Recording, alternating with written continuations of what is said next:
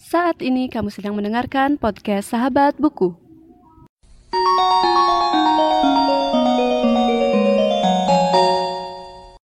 Sebelum mendengarkan episode kali ini, jangan lupa follow podcast Sahabat Buku di Instagram di @podcastsahabatbuku.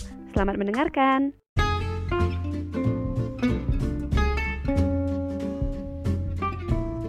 Halo semuanya dan selamat datang kembali di Sahabat Buku. Oke, jadi aku udah lama banget vakum karena sedikit ada kesibukan dan sekarang aku udah sempat nge-podcast lagi. Yeay. Oke, jadi kali ini aku mau nge-review salah satu buku yang uh, bagus banget. Judulnya Seni Hidup Minimalis dari Francine J.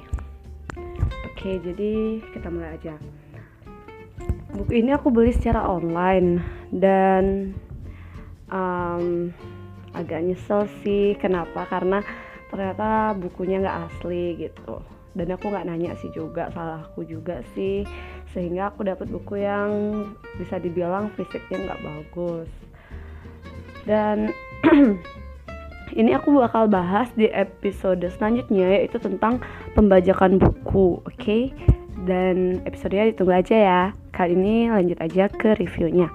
Oke, untuk buku Seni Hidup Minimalis ini secara singkat bisa dibilang buku yang bakal ngebantu kalian buat uh, hidup secara lebih minimalis dibanding hidup kalian sekarang. Karena aku yakin uh, hidup kalian sekarang ini mungkin kalian tuh punya banyak barang, banyak uh, apa ya perabotan yang sebenarnya mungkin nggak kalian perluin gitu loh Nah, jadi di buku ini dibahas satu-satu gitu.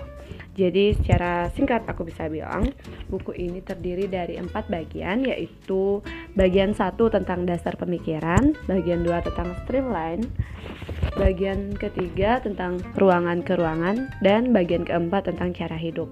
Dan masing-masing bagian ini nanti punya uh, subbabnya masing-masing gitu. Jadi kayak misalkan aku bacain di daftar isinya aja ya. Jadi misalkan di bagian satu itu ada 10 bagian. 10 bagian itu terdiri dari kenali kegunaan setiap barang Anda. Anda bukan barang Anda. Sedikit barang sama dengan sedikit stres. Sedikit barang sama dengan lebih merdeka. Lepaskan ketertarik keterikatan dengan barang. Jadilah penjaga pintu yang baik, nikmati ruang, menyukai tanpa memiliki, bahagia dengan cukup, dan hidup sederhana.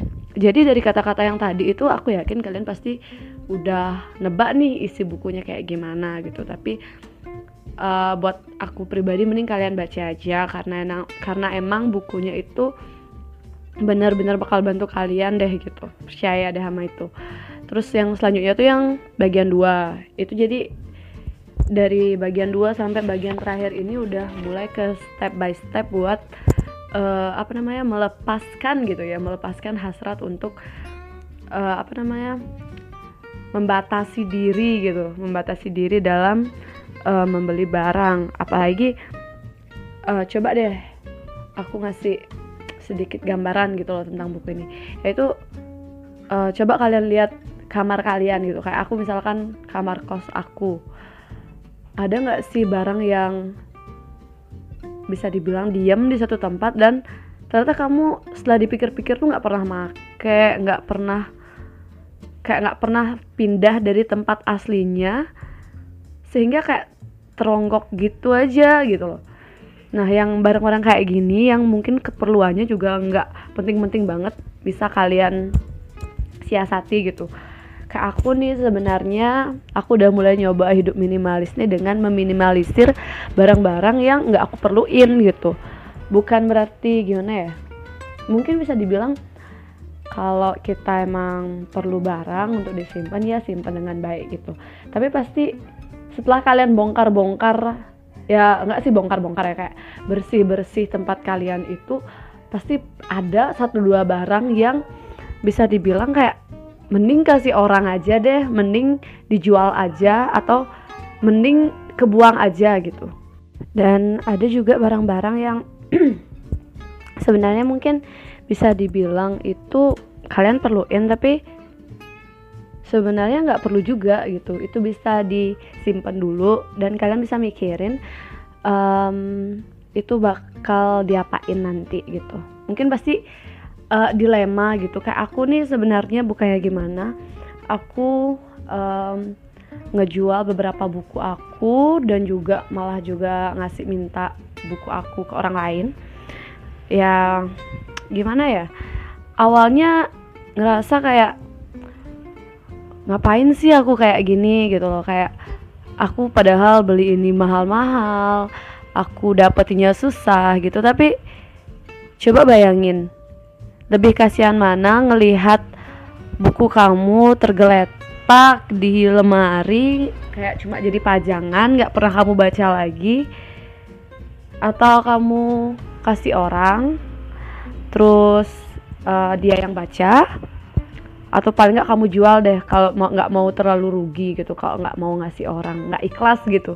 Kalau nggak ikhlas dikasih ke orang lain mungkin bisa jual dengan setengah harga kayak gitu kayak aku sampai jual ya biar gimana ya kalau aku pikir kalau orang yang mau beli itu artinya mau baca gitu. Paling nggak buku aku nggak tak diemin. Karena sebenarnya berat hati gitu kayak uh, eh gak tega jual buku gak tega ngasih orang.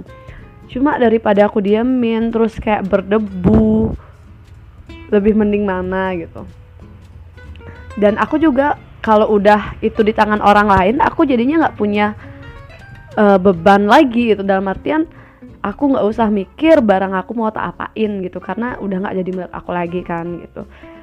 Dan ada beberapa barang mungkin buat teman-teman yang suka ngoleksi barang yang notabene gimana ya cuma jadi pajangan itu kalian bisa ngurangin dari sekarang deh soalnya aku pun sebenarnya ngoleksi buku dan udah lumayan sih. Cuma kayak kalau didiemin gini mau dikasih siapa juga gitu. Kalau dikasih ke generasi yang selanjutnya ya gimana ya? Umur aku baru 20 tahun gitu loh. Jadi kalau misalnya aku punya anak atau punya keturunan gitu bukunya udah rusak duluan ya nggak sih kayak ya zaman sekarang gitu loh. Kayak udah um, zamannya digital zaman internet ebook tuh udah di mana-mana. Jadi mungkin hanya generasi yang bisa dibilang generasi aku dan yang sebelumnya yang mungkin masih suka ngoleksi buku atau yang sejenisnya. Ya bu nggak bukan berarti yang selanjutnya nggak suka cuma kemungkinan untuk uh, ngoleksi buku itu mungkin lebih kecil dibandingkan kita kita yang ya yang lahir di generasi yang belum tersentuh teknologi kayak gitu. Jadi buat uh, apa ya buat teman-teman itu bisa deh pikirin dari sekarang untuk meminimalisir barang-barang yang mungkin nggak berguna gitu buat teman-teman. Karena emang gimana ya kalau kalian baca buku ini kalian bakal nyadar kalau ternyata kayak gini loh ternyata kayak gitu loh kayak gitu loh. Maksudnya ya you realize something that you never expect before gitu. Jadi aku harap kalian baca karena emang seru banget bukunya sampai aku mikir oh iya ternyata kayak gini oh iya bener banget kayak gitu. Dan semoga kalian terhibur. Jangan lupa buat baca buku setiap hari karena dengan baca buku kalian dapat ilmu pengetahuan yang banyak banget oke? okay? Jadi itu aja untuk kali ini terima kasih sudah mendengarkan dan sampai jumpa di podcast selanjutnya